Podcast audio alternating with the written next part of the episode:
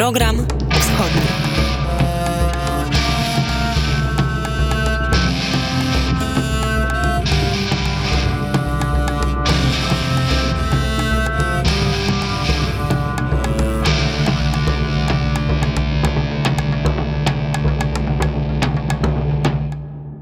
Dzień dobry, witam Państwa serdecznie. Wojciech Jankowski, program wschodni, jak zawsze w środę o tej porze. Dzisiaj oczywiście będzie kilka słów na temat Ukrainy, jak w każdym programie wschodnim, ale odwiedzimy również Mołdawię, bo ten e, kraj e, troszeczkę chyba e, zapominamy o nim, troszeczkę ignorujemy, a to też ważne e, miejsce między Ukrainą a Rumunią. A jak zwykle zaczynamy od e, wiadomości, białoruskich. To jest tradycja programu wschodniego, że łączymy się zazwyczaj z Wilnem, gdzie jest Olga Siemaszko, szef białoruskiej redakcji Radia Wnet. E, Labas Ritas, Olgo. Labas Ritas, witam słuchaczy Radia Wnet. Jak zwykle przygotowałaś dla nas y, garść informacji, a zanim zaczniemy, dobrej ranicy, właściwie nieelegancko się zachowałem, bo powinienem był zacząć od tego. Powiedz, jaka pogoda w Wilnie, bo tutaj czekałem na słońce, chmury były cały czas, ja nie żyłem, spać mi się chciało całymi tygodniami i dzisiaj nad Warszawą, nad y, Placem Zamkowym błękitne niebo jest. Nie, nie mamy błękitnego nieba. nieba teraz w Wilnie jest tak szaro, zimno i z tego co widzę nie mamy już śniegu. A zatem wsiadaj w autobus i przyjeżdżaj do Warszawy. Tutaj się zrobiło ładnie, ale zanim to zrobisz, przy, przybliż naszym słuchaczom najważniejsze wiadomości dotyczące Białorusi.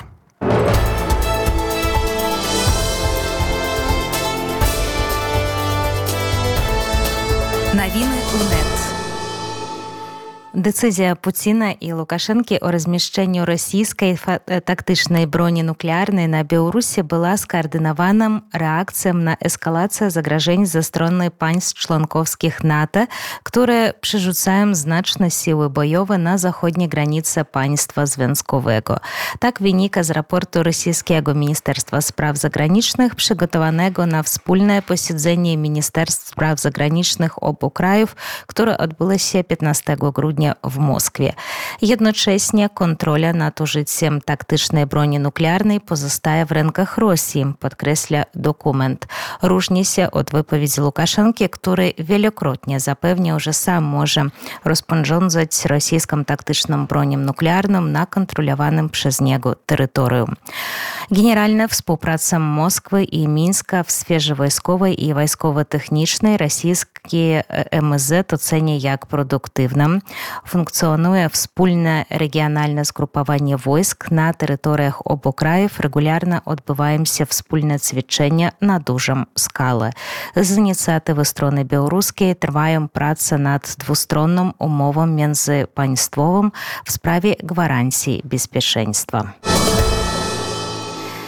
Szef białoruskiego KGB zarzuca Polsce nadzorowanie chorągwi pospolitego ruszenia. Siedem chorągwi pospolitego ruszenia ma przygotować się w Polsce się do zajęcia obiektów i przeprowadzenia ataków terrorystycznych na Białorusi. Oświadczył tak przewodniczący Łukaszenkiewskiego Komitetu Bezpieczeństwa Państwowego Iwan Tertel, cytowany przez Państwową Agencję Bielta. Według generała najbardziej agresywny agresywny oddział rzekomo przygotowujący akty terrorystyczne na Białorusi znajduje się w miejscu znanym każdemu Białorusinowi, czyli w Białym Stoku. Kieruje nim obywatel Białorusi, który ukrywa się pod pseudonimem Szlachcisz, powiedział Iwan Cierciel. W chorągwie białostockiej powiedziano nam, że Cierciel ma jakieś nieaktualne informacje, bo Szlachcisz już dawno nie jest ich przywódcą. Głównym zadaniem zadaniem powstałych chorągi jest zjednoczenie ochotników, którzy przechodzą szkolenie taktyczne i medyczne i przygotowują się do wyzwolenia Białorusi. Jednostki takie powstały w Polsce i na Litwie. Службы Лукашэнкі ўзналы вальчонца в Украіне беларускі корпус охотнічы за фармацыя экстрэмістычна. В заактуалізаванай праз Міністэрства справ wewnętrznych лісце экстрэмістаў появіліся также заложителі беларускага корпусу охотнічego, którzy ujawnili swoją tożsamość. Radzivon Batulin Ігор Янку і Анжэй трацеўскі. Означа же е, то на Білорусі Грозі ім справа карна і длугі вирок за екстремізм. Режим заказував також читання, коментування і удостэмпняння трестів публікованих через білоруський корпус охотнічы на YouTube і в Телеграмі. Екстремістичним застаў також рахунок банкової єдностки, którego от teraz nie wolno na Białorusi. Як выника з рапорту рэпарторов без границ Беларусь знalazлася по Хінах і Бірме под взглядом лічбы дзенікажы, którzy znajdują się za kratami. Obecnie w białoruskich więzieniach i aresztach jest 39 dziennikarzy, o 7 więcej niż w poprzednim roku. Wśród nich jest dziennikarz i działacz Związku Polaków na Białorusi Andrzej Podczobut. Jego żona Oksana w tym tygodniu napisała w mediach społecznościowych Drodzy przyjaciele, wiele z Was pisze do mnie z prośbą o wieści o Andrzeju, ale tak naprawdę nie mam nic do opowiedzenia, ponieważ wiadomości są skąpe i ogólne ponure. Ostatnie sporządzone przeciwko niemu dwa doniesienia został pozbawiony paczki i spotkania. Od czasu odbycia kary w ogóle nie miał ani spotkania, ani paczki i prawdopodobnie nie będzie miał do końca uwięzienia, czyli co najmniej do lutego 28 roku. Z dobrych wiadomości jest to, że nie stracił równowagi, spokojnego nastroju i zawsze in interesuje się o wszystkich swoich znajomych i kolegach i przekazuje pozdrowienia. Tak pisze Oksana, żona Andrzeja Potrzebuta. I to była ostatnia wiadomość w naszym białoruskim serwisie. Wojtku? Dziękuję za wiadomości. Pozdrawiam gorąco z Warszawy. Przekazuję do Wilna pozdrowienia i obyś miała tam ładną pogodę, bo ta zima taka mało zimowa jest w tym roku, chociaż właściwie zima kalendarzowa dopiero co się e, zacznie. Olga Siemaszko, szefowa białoruskiej redakcji Radia Wnet i pożegnamy się muzyką białoruską, którą przygotował Artur Żak, grupa Dzieciuki. Program wschodni.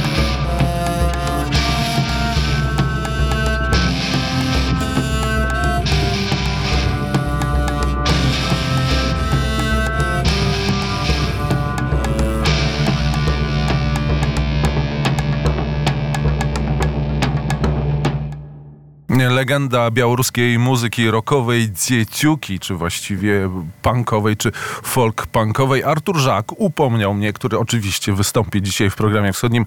Nie zapomnij zapowiedzieć wstecznie, więc może tę przyjemność samemu twórcy e, dzisiejszej playlisty przekaże. Artur Żak z Lwowa. Dzień dobry Wojciechu, kłaniam się nisko z Lwowa. W rzeczy samej e, zespół Dzieciuki regularnie gości na antenie Radia Wnet. Zespół z e, pięknej Grodzińszczyzny, ale ten utwór był utworem szczególnym, bo poświęconym bohaterowi e, wielu narodów, a mianowicie Tadeuszowi Rejtanowi. Więc wysłuchaliście Państwo zespół Dzieciuki i utwór Tadeusz Rejtan. Wojciechu? I myślę, że każdemu słuchaczowi programu wschodniemu serce żywiej zabiło, gdy usłyszeli e, ten tytuł Tadeusz Rejtan, a my łączymy się, a właściwie już jesteśmy połączeni z Piotrem Mateuszem Bobołowiczem. Piotrze, czy nas słychać? E, tak, jak najbardziej. Dzień dobry Wojciechu, dzień dobry Arturze, dzień dobry Państwu. Jak zwykle w programie wschodnim jesteś zadyszany, biegniesz, nie wiem ile masz czasu. Czy dasz radę powiedzieć, na jakiej konferencji byłeś, yy, uczestniczyłeś? Jak najbardziej. Przed chwilą musiałem wyjść po schodach, żeby wyjść z metra na powierzchnię, bo tutaj jednak jest e, lepszy zasięg. Mm, poniedziałek i wtorek odbywała się w Warszawie najpierw na Zamku Królewskim, potem przy ulicy mm, Senatorskiej konferencja Przestrzenie rosyjskich i sowieckich ideologii oraz praktyk imperialnych 1689-2023. Mm, jak tytuł sugeruje, jest to konferencja naukowa, konferencja e, z grupy studyjnej nad rosyjskim imperializmem. Konferencja, której inicjatorem, organizatorem jest e, profesor Andrzej Nowak. E, I konferencja, która skupiła bardzo wielu naukowców zajmujących się tematem Rosji, tematem rosyjskiego imperializmu, sowietologów, e, którzy w Warszawie na ten temat dyskutowali, wy- wygłaszali swoje referaty, bo to, tak jak mówię, konferencja naukowa, e, więc te referaty były podstawą konferencji. Bardzo ciekawe tematy. Tematy rosyjskiej mentalności imperialnej, tematy też praktyki imperialnej, jak chociażby rosyjskiego kolonializmu, tego, że rzeczywiście ta Syberia była kolonizowana, e, to czego Europa Zachodnia czy świat zachodni często sobie nie uświadamia, e, a zwłaszcza nie uświadamia sobie globalne południe, jak wielkim kolonizatorem była Rosja. O ten, na ten temat też rozmawiałem. Rozmawiałem z mm, zagranicznymi naukowcami, bo było bardzo wielu zagranicznych naukowców. Oczywiście e, byli Polacy, byli Ukraińcy, e, ale byli też Amerykanie, byli ludzie z innych e, części świata. E, Między innymi rozmawiałem z profesorem, który chociaż jest e, już profesorem emerytowanym w Stanach Zjednoczonych, to pochodzi z Japonii i zajmuje się tematyką relacji Imperium Rosyjskiego z imperiami dalekiej Azji, czyli z Imperium Japońskim czy z Chinami. Więc nawet takie tematy były poruszane, bo ten temat rosyjskiego imperializmu jest ważny nie tylko z naszego europejskiego punktu widzenia, nie tylko z punktu widzenia Polski, jak często o tym myślimy, czy też Ukrainy, ale dotyka jednak e, przede wszystkim Azji, bo to właśnie w Azji odbywała się rosyjska kolonizacja i e, rosyjski rozwój imperialny. Natomiast e, dzisiaj e, usłyszą Państwo rozmowę z profesorem z Mołdawii, z panem Igorem Kaszu. E, Profesor Igor Kaszu jest dyrektorem Narodowego, Narodowej Agencji Archiwów i jest także wykładowcą Narodowego Uniwersytetu, Państwowego Uniwersytetu Mołdawskiego. Zajmuje się tematem głodu. Głodu w rozumieniu oczywiście mm, tych wielkich klęsk głodowych, które nawiedzały rosyjskie imperium pod jego różnymi postaciami, czy to w carskiej Rosji, czy to w Rosji później sowieckiej, Związku Sowieckim. Mm, Oczywiście znamy wszyscy Hołodomor, wielki głód na Ukrainie na początku lat 30., no, ale jak się okazuje, nie był to jedyny głód w Imperium Rosyjskim, nie był to jedyny mm, głód w historii imperialnej Rosji, wywołany po to, żeby jakiś lud stłamsić, e, czy naród mm, stłamsić, e, albo właśnie nawet unicestwić, ale o tym opowiada e, profesor Igor Kaszu. Czy Wojtku jeszcze jakieś pytania, zanim usłyszymy wywiad? Myślę, że to już jest ten moment, kiedy słuchacze powinni wysłuchać e, tej e, rozmowy. Dodajmy jeszcze, że ty przetłumaczyłeś ją, tak jak przeprowadziłeś wywiad, a Artur Żak e, był lektorem. A zatem Piotrze, zapowiadamy pana profesora Igora Kaszu. Igor, pan profesor Igor Kaszu i temat przede wszystkim wielkiego, czy przede wszystkim głodu powojennego w Mołdawii. Zapraszam do wysłuchania i się z Państwem już żegnam, bo uciekam na pociąg.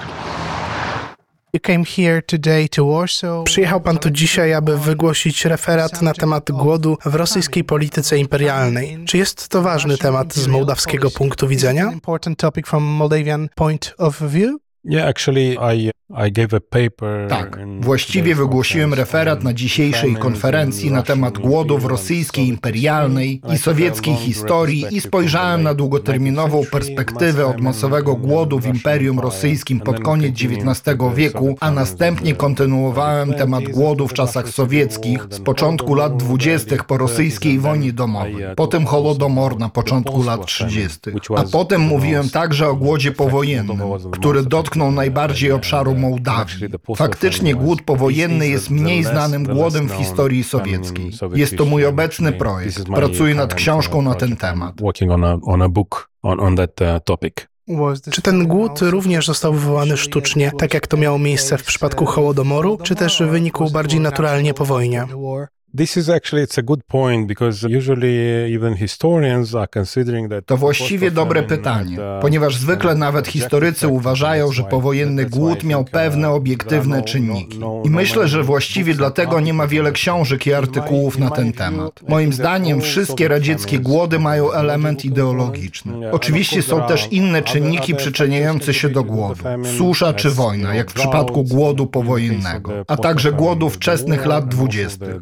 The, famine of the, of the early 20s But, but of course, Holodomor, the, the Ale oczywiście Holodomor wywołany przez Sowietów głody wczesnych lat 30. to inny głód, ponieważ w tym przypadku w Holodomorze, czyli głodzie na Ukrainie, ale także głodzie w Kazachstanie, który był proporcjonalnie jeszcze gorszy niż ten ukraiński Holodomor, występuje w nich sowiecki komponent ideologiczny. Pracuję obecnie nad analizą tego ideologicznego elementu związanego z powojennym głodem.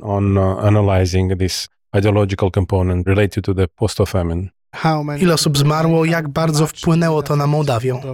W liczbach bezwzględnych najbardziej dotknęło to Rosję, która straciła około pół miliona ludzi. Następnie Ukraina, w której 350 tysięcy ludzi zmarło z powodu głodu w latach 1946-1947, a potem Mołdawia ze 125 tysiącami ofiar śmiertelnych. Ale pod względem proporcji do całkowitej populacji głód w Mołdawii czy też głód w sowieckiej Mołdawii był najpoważniejszy, ponieważ zmarło około 5% populacji. Następna była Ukraina z około 1% populacji, a potem Rosja 0,6%. To dane według szacunków Michaela Elmana z artykułu, który został opublikowany w 2000 roku w Cambridge Journal of Economics. Wspomniał pan, że wszystkie przypadki głodu w czasach sowieckich miały w sobie komponent ideologiczny, ale czy tak było również w przypadku wcześniejszych czasów, w carskiej Rosji? Czy carska Rosja również wywoływała głód, aby eksterminować niektóre narody i ludy? The, the, the question of, of the extermination of, of certain ethnic or social groups is a very contention, contentious Kwestia uh, głodu i eksterminacji niektórych grup etnicznych lub społecznych jest bardzo kontrowersyjnym tematem. Właściwie kwestia Holodomoru jest najbardziej znana w tym sensie. Głównie dlatego, że jeśli udowodnisz zamiar zabicia pewnych grup etnicznych lub społecznych, zwłaszcza grup etnicznych, zgodnie z konwencją ONZ z genocide according to the 1948 roku, jest to przypadek ludobójstwa. Moim zdaniem istnieje wiele czynników przyczyniających się do głodu. Jeśli chodzi o ideologię, to jeśli pozwoli pan, opowiem więcej o powojennym głodzie. Mołdawia to interesujący przypadek, aby przeanalizować rolę ideologii, ponieważ faktycznie sowiecka Mołdawia i dzisiejsza Republika Mołdawii składa się z dwóch odrębnych części. Pierwsza z nich jest dzisiejsza Republika Naddniestrza, czyli lewy brzeg, która została zsowietyzowana w okresie międzywojennym. Była to część Mołdawskiej Republiki Autonomicznej w obrębie sowieckiej Ukrainy. Druga część dotyczy historycznej Besarabii, około dwóch trzecich Besarabii. Porównanie doświadczenia głodu w tych dwóch częściach daje nam możliwości zrozumienia różnic regionalnych. Według trzech głównych twardych wskaźników dystrofii, liczby nadmiernych zgonów i kanibalizmu mamy ogromną różnicę między dwoma częściami sowieckiej Mołdawii. W przypadku kanibalizmu doliczyłem się około 150 przypadków kanibalizmu od grudnia 1946 roku do lipca 1947.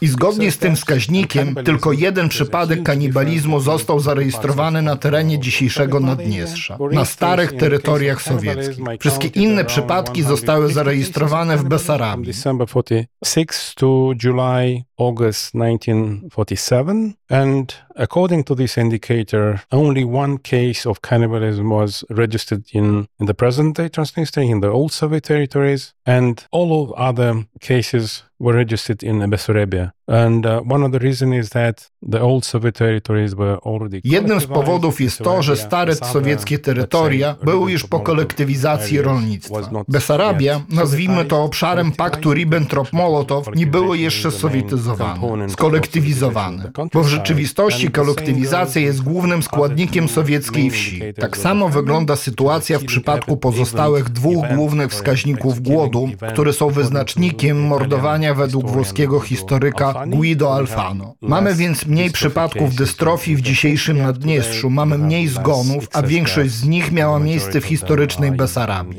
A mój argument jest taki, że nie tylko w besarabskiej części Mołdawii ta strona głodu była bardziej dotkliwa, ale także w całej historycznej Besarabii, w tym w południowej części Besarabii, która została przekazana Ukrainie w 1940 roku po okupacji sowieckiej. Prowincji, która była częścią Rumunii w okresie międzywojennym. Mamy statystyki z archiwum SBU, czyli dawnego archiwum KGB w Kijowie. Istnieją statystyki dotyczące przypadków kanibalizmu. Było to około 31 przypadków kanibalizmu w marcu i kwietniu 1947 roku, podczas szczytu głodu. Z tych 31 przypadków 16, czyli połowa z nich została zarejestrowana w rejonie Izmaiłu, w południowej Besarabii. I dlatego próbując zrozumieć głód i różnice regionalne, jest bardzo jasne, że Besarabia była szczególnym celem tego głodu. In trying to understand the famine and the, the, the regional differences, it is very clear that Bessarabia was a special target of, of, of this famine. Przy tak wielu przypadkach głodu w rosyjskiej imperialnej historii i historii sowieckiej, które właściwie tworzą pewnego rodzaju ciągłość, zawsze pojawia się pytanie, dlaczego ludzie się nie buntowali, a może jednak się buntowali. Actually, it's a very interesting question to look at the famine in terms of various uh, variables and and and uh, and conceptualizations and actually kind of uh, Właściwie to bardzo interesujące pytanie. Spojrzenie na głód w kategoriach różnych zmiennych i konceptualizacji. Przewidział pan trochę to, co chciałem umieścić w mojej książce o głodzie powojennym. Rozdział o związku między natężeniem głodu a rozmiarem strat ludzkich w porównaniu z poziomem oporu w Besarabii, w ówczesnej sowieckiej Mołdawii. Ponieważ jest dobrze znanym faktem, że poziom oporu wobec reżimu sowieckiego był w tamtym momencie najwyższy wyższy na zachodniej Ukrainie i na Litwie. I myślę, że jest to jeden z powodów, dla których te obszary nie doświadczyły głodu. Jednym z wyjaśnień jest to, że ze względu na wysoki poziom oporu, zbrojnego oporu wobec reżimu sowieckiego na tych obszarach, władza radziecka nie mogła kontrolować tych terytoriów. Resistance, armed resistance to the Soviet regime in, in these areas, the Soviet power could not control these territories, but also I think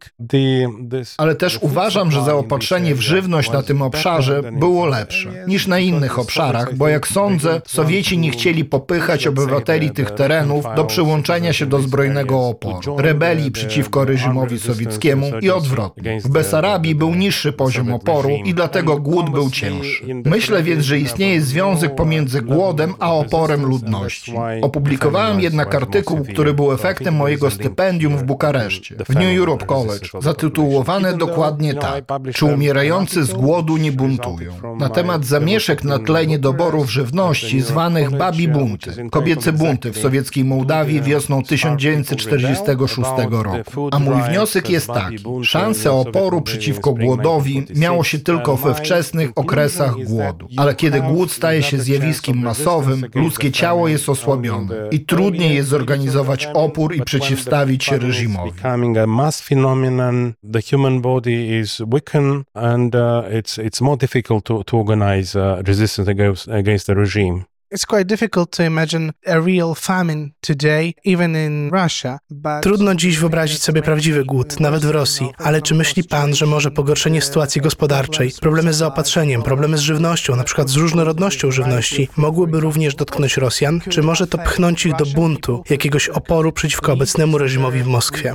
Rebellion, some sort of resistance against the, the current regime in Moscow. You know, historically there are a lot of cases when food crisis contributed to the regime Wie pan, historycznie jest wiele przypadków, kiedy kryzys żywnościowy przyczynił się do zmiany reżimu. Mogę podać dwa przykłady związane na przykład z rewolucją francuską. Wiemy dobrze, że kryzys żywnościowy w znacznym stopniu przyczynił się do zaistnienia francuskiej rewolucji. A potem kolejny przypadek związany jest z rewolucją lutową w Imperium Rosyjskim. Z pewnością przyczyniło się to do upadku monarchii rosyjskiej. Tutaj chciałbym podkreślić, podkreślić rolę kobiet, które były w awangardzie, były głównymi protestującymi przeciwko brakowi żywności w sklepach. You know, the avant-garde, let's say, they were the main uh, protesters against uh, against the lack of of, uh, of food food shortage uh, in the in, in the shops.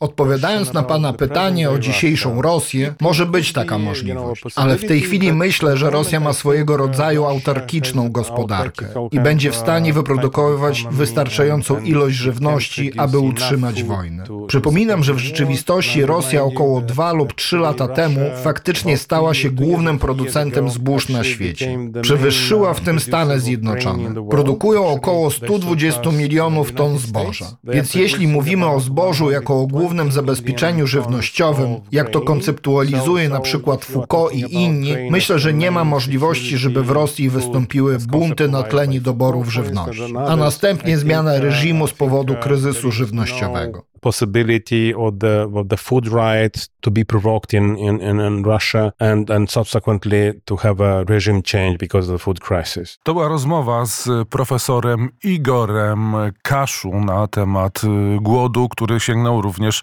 terenów y, Mołdawii. Oczywiście tutaj należy e, użyć pewnego, e, powiedzieć o, pewnej, e, o pewnym szczególe. Gdy mówimy Mołdawia w tej audycji, to mamy na myśli teren obecnej Republiki Mołdawii, natomiast Natomiast ta wielka Mołdawia historyczna to jest skrawek tylko tej Mołdawii, o której mówimy, bo większość historycznej Mołdawii znajduje się w Rumunii z dawną stolicą w Jassach. Artur Żak jest w Lwowie, jest na posterunku. Jak najbardziej jestem na posterunku Wojciechu, no i teraz e, przyszedł czas chyba na kolejny utwór, wyjątkowy utwór e, ukraińskiego zespołu, zespołu, który się nazywa Anarcho Hurt Hrabla, czyli zespół anarchistyczny grabie w dosłownym tłumaczeniu.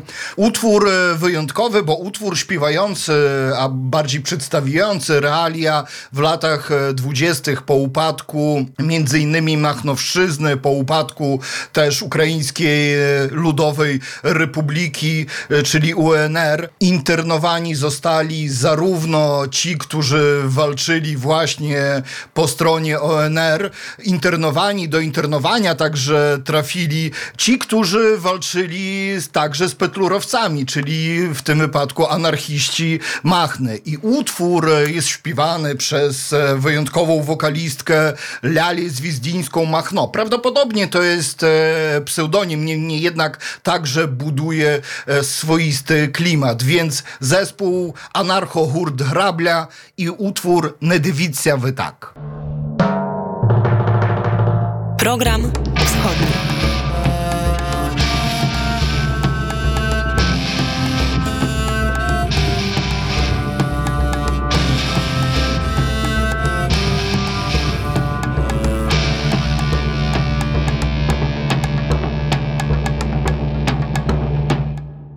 A więc anarcho, hurd, hrabla i utwór Nedywicja wy tak, Wojciechu. Ale tango, dawno takie rytmy nie gościły w programie wschodnim. Czy jeszcze będziesz prezentował ich muzykę w naszych audycjach? Myślę, że tak. E, oni w jakimś stopniu odczarowują muzykę lat 20. i 30., którą w dużej mierze Sowieci przyjęli jako swoją muzykę rewolucyjną. I wiele tych utworów e, mieszkańcy dawnego Związku Radzieckiego kojarzą kojarzą z e, utworów radzieckich, e, utworów e, wojny domowej po rewolucji, a to często były utwory albo napisane przez Ukraińców, jeżeli chodzi o słowa, często także muzykę, albo utwory, jeżeli chodzi o muzykę, utwory światowe, do której różni poeci, a także propagandyści, agitatorzy dopisywali swoje teksty, ale często bywało tak, że te utwory jako pierwsze brzmiały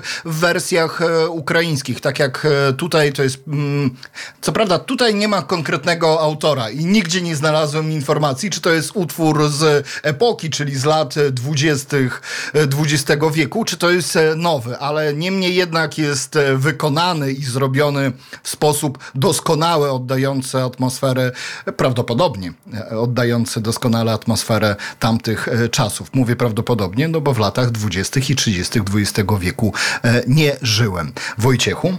Jest godzina 10.42 minuty i to czas, krótki czas na reklamy.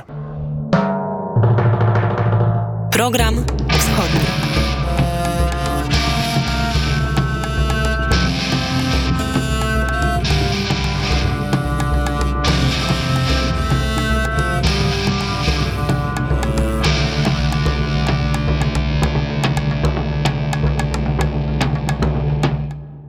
Oczywiście Radio Wnet. Słuchają Państwo programu wschodniego, a po drugiej stronie telefonu jest Daniel Szeligowski z Polskiego Instytutu Spraw Międzynarodowych, koordynator projektu Europa Wschodnia. Dzień dobry.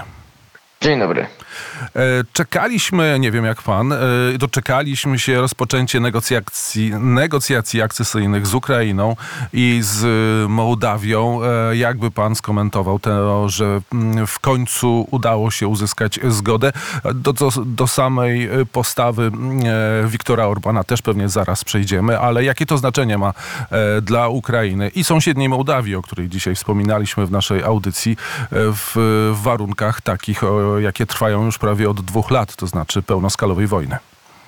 No to jest na pewno historyczna decyzja. Przecież jeszcze półtora roku temu, kiedy prezydent Andrzej Duda zaczął namawiać tak no poważnie po raz pierwszy innych zachodnich liderów do tego, żeby chociażby przyznać status kandydata Ukrainie, bo to o, takich, e, o, o takim postępie mogliśmy marzyć e, to półtora roku temu, no to niewielu wierzyło. Niewielu wierzyło u nas w Polsce i chyba też niewielu wierzyło na Zachodzie. Niewielu się chciało dać przekonać na Zachodzie na samym początku do tego statusu kandydata, więc teraz półtora roku później, otwierając już e, negocjacje akcesyjne i z Ukrainą, i z Mołdawią, na pewno mówimy o postępie. To jest historyczny krok w takim wymiarze symbolicznym.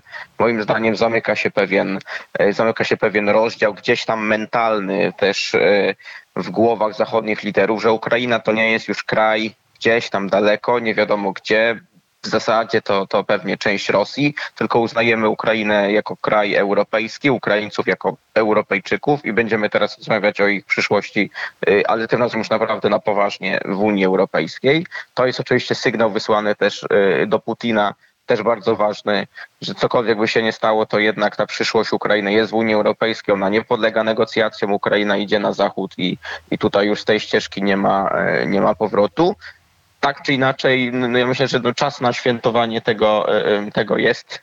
Teraz w ten weekend od poniedziałku pewnie Ukraińców czeka już bardzo, bardzo ciężka praca. No i oczywiście długa droga do Brukseli, bo to nie jest zagwarantowane, że, że samo otwarcie negocjacji akcesyjnych zakończy się przyjęciem do Unii w, w przestrzeni mediów społecznościowych yy, radość. Ukraińcy są zadowoleni, no ale tak jak pan powiedział, długa droga. Ten proces przecież trwał w wypadku Polski latami i tutaj być może to będzie jeszcze trudniejszy. To na pewno będzie trudniejszy i być może dłuższy proces.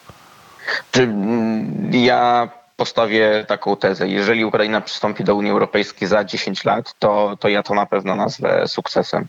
Y, raczej bym się nie spodziewał szybszej, e, szybszej ścieżki niż miała Polska ze względu na po pierwsze skalę tych dostosowań, które Ukraina musi przejść. To jest ogrom prawa unijnego, który trzeba przyjąć.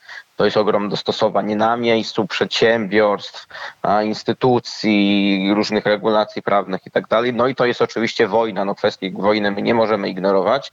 Te negocjacje będą się toczyć równolegle do wojny.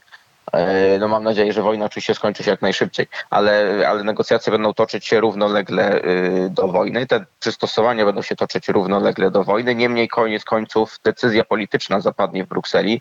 Będzie potrzebna na każdym tutaj etapie e, jednomyślność państw członkowskich jest raz. Jeszcze będziemy wracać do kwestii Wiktora Orbana, a może kwestii jeszcze jakichś innych zachodnich liderów, którzy, e, którzy ten proces będą blokować. No ale ponieważ będzie to decyzja polityczna, to jakieś tam rozwiązanie konfliktu z Rosją będzie potrzebne, bo w tym momencie z politycznego punktu widzenia trudno sobie wyobrazić, żeby na Zachodzie była wola polityczna do przyjęcia e, Ukrainy do Unii Europejskiej, jednak w momencie gorącego konfliktu z Rosją.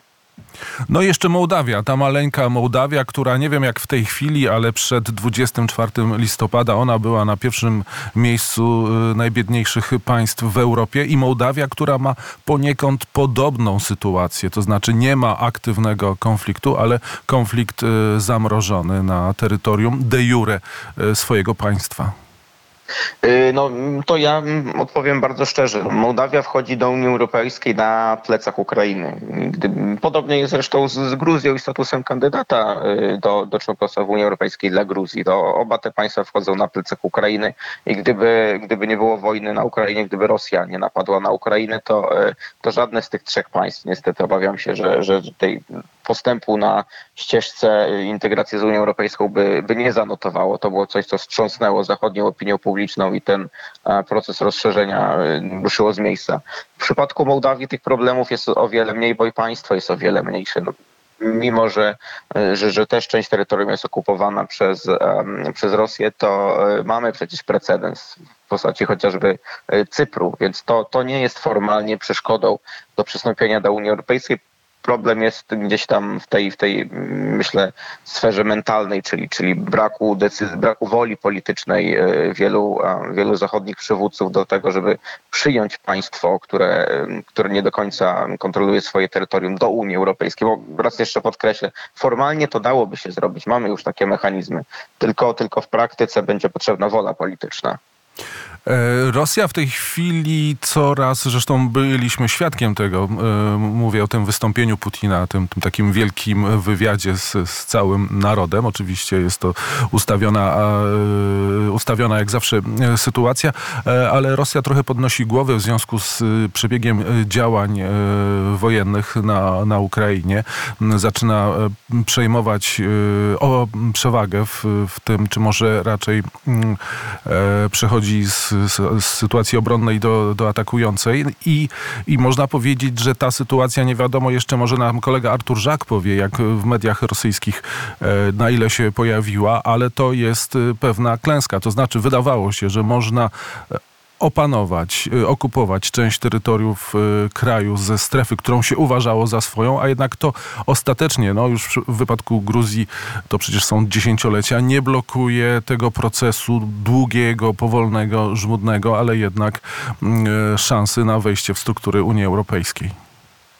E, na pewno sytuacja na froncie w tym momencie się zmienia i rzeczywiście zmienia się na niekorzyść e, wojsk ukraińskich. No to wynika z kilku czynników. Te, te które leżą po naszej stronie są, są pewnie najważniejsze dla nas. No, spóźniamy się z dostawami broni jako kolektywny Zachód dla, dla Ukrainy. To po pierwsze. Po drugie, no, sami w zasadzie nie, nie, nie nadążamy z jej produkcją, bo, bo jednak po zimnej wojnie duża część tak zdolności produkcyjnych, zdolności przemysłowych w Europie została no, raz na zawsze zlikwidowana i teraz trudno jest ją e, z miesiąca na miesiąc odtworzyć. To, to Stany Zjednoczone biorą na siebie jakby główny ciężar tej e, pomocy militarnej, a Europa pomaga Ukrainie finansowo. To, to też jest ważne, no, ale jednak to, to nie pieniądze strzelają na froncie, tylko, tylko amunicja i, i, i pociski artyleryjskie.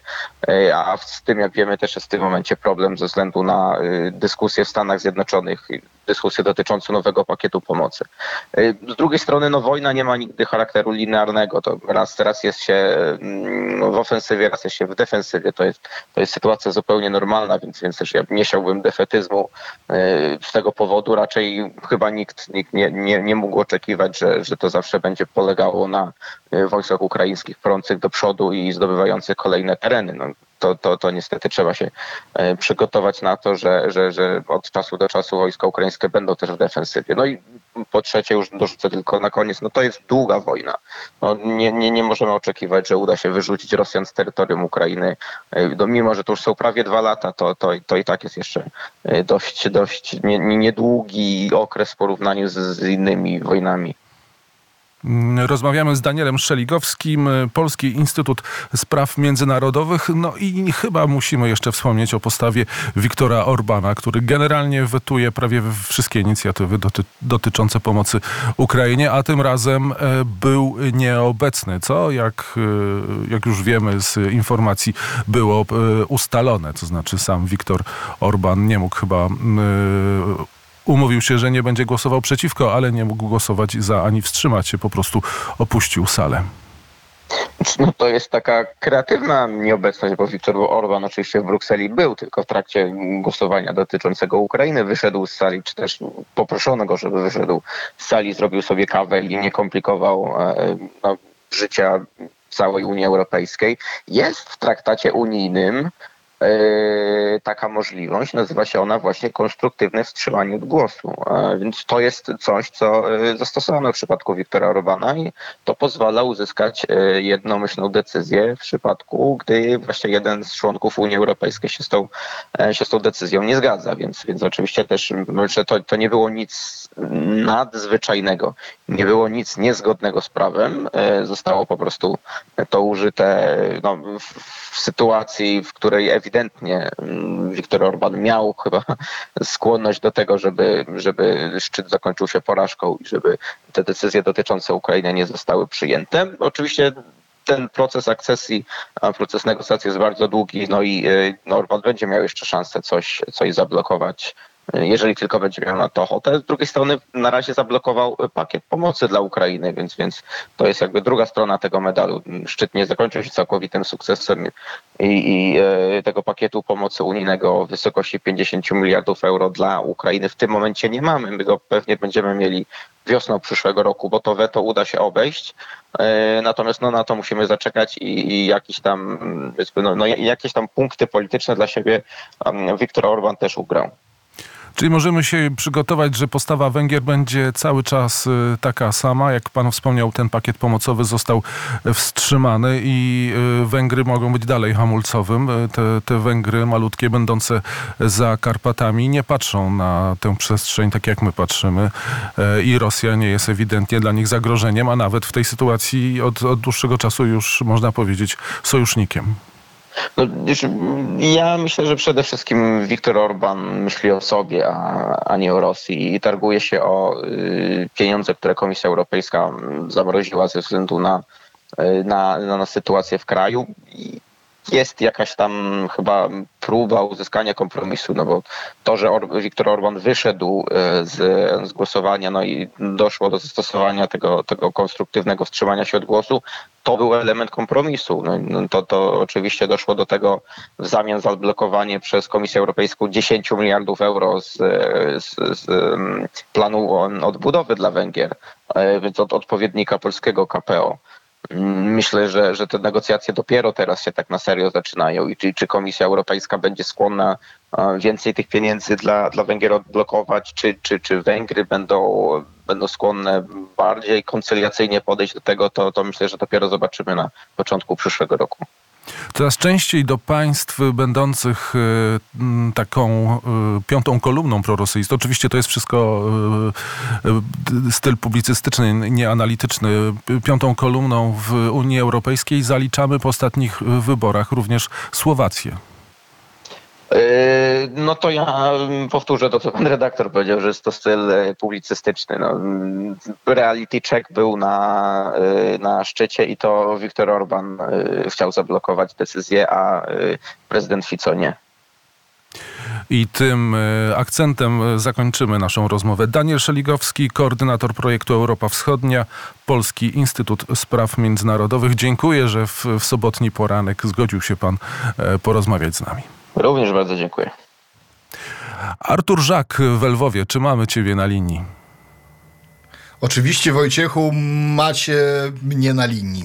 Jest godzina 10.54 i jeszcze trochę muzyki posłuchamy, ale e, może jeszcze zdążymy wspomnieć o temacie, który Ciebie mm, fascynuje, a o którym nie zdążyłeś e, powiedzieć w tym tygodniu w raportach z Kijowa. Przypominamy, przez cały tydzień 9.30 raport z Kijowa poza środą, kiedy jest e, studio Lwów, e, a dotyczy to rosyjskiego uzbrojenia.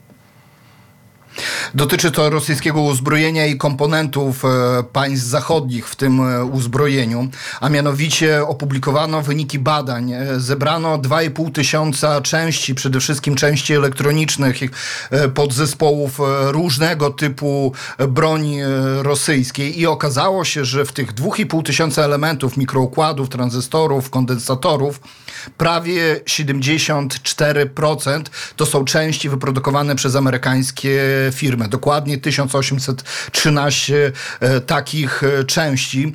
Większość e, części tutaj się też opierają badacze na na wyniki e, ekspertyzy, które były zrobione między innymi przez Royal United Service Institute, to jest angielski instytut e, w Londynie, który też badał między innymi pociski rakietowe Iskander i okazało się, że większość tych części jest produkowane bądź przez Analog Devices e, albo Texas Instruments, amerykańskie firmy. Oczywiście te firmy po wprowadzeniu sankcji przestali wysyłać, przestały wysyłać te części komponenty do Rosji. Niemniej ro, jednak Rosja opanowała ten tak zwany import alternatywny, którym właśnie realizuje te dostawy, czy też przez kraje kaukaskie.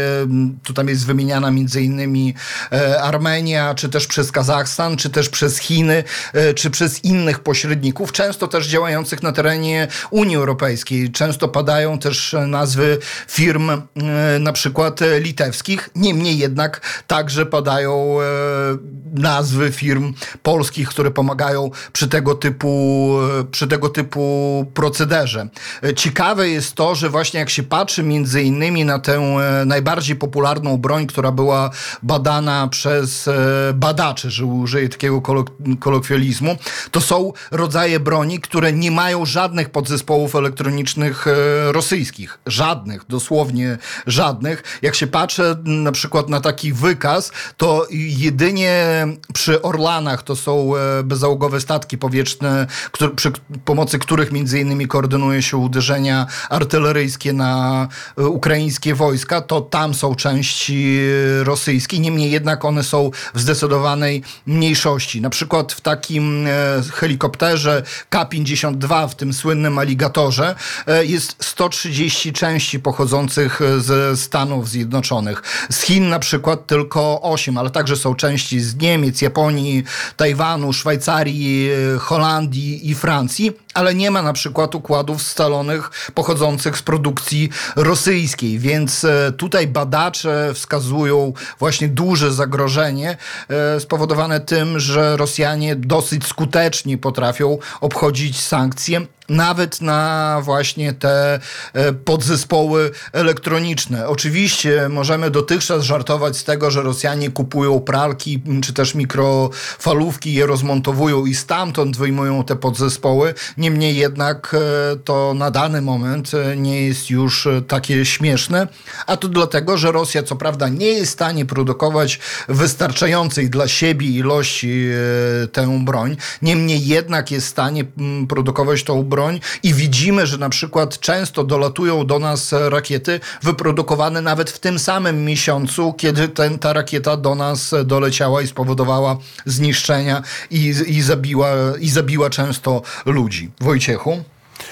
O, właściwie to smutny akcent y, na zakończenie y, naszej audycji. Program Wschodni, sobota, godzina 10.59. Arturze, dziękuję Ci za, y, za współpracę. Jaka pogoda w Lwowie? Bo chyba to pytanie nie padło jeszcze dzisiaj powiem beznadziejna, użyję takiego sformułowania, jak ja to często mówię, stalowo-szare chmury opuściły się na gmachę naszego miasta.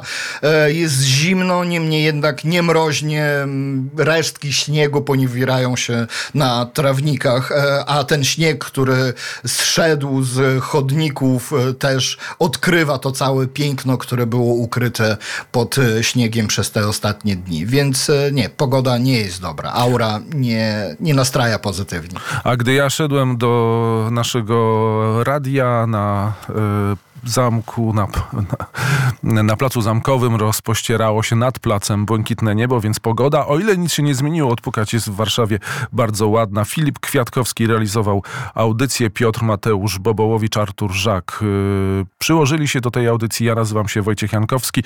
Dziękuję Państwu za uwagę. Zapraszamy za tydzień i przypominamy 9.30 i przypominamy o najważniejszej rzeczy patronate.pl ukośnik radio wnet. Nasz okręt płynie po wzburzonych morzach. Paliwo do okrętu jest y, potrzebne. E, prosimy o wsparcie. Można być majtkiem, bosmanem, kapitanem, admirałem, kontradmirałem. Już wielu, wielu nam pomogło, nas wspomaga, ale cały czas apelujemy do tych, którzy nas lubią, kochają albo przynajmniej tolerują. A myślę, że tych pierwszych jest najwięcej, aby wsparli Radio Wnet. Wojciech Jankowski, dziękuję za uwagę. Do usłyszenia. Program.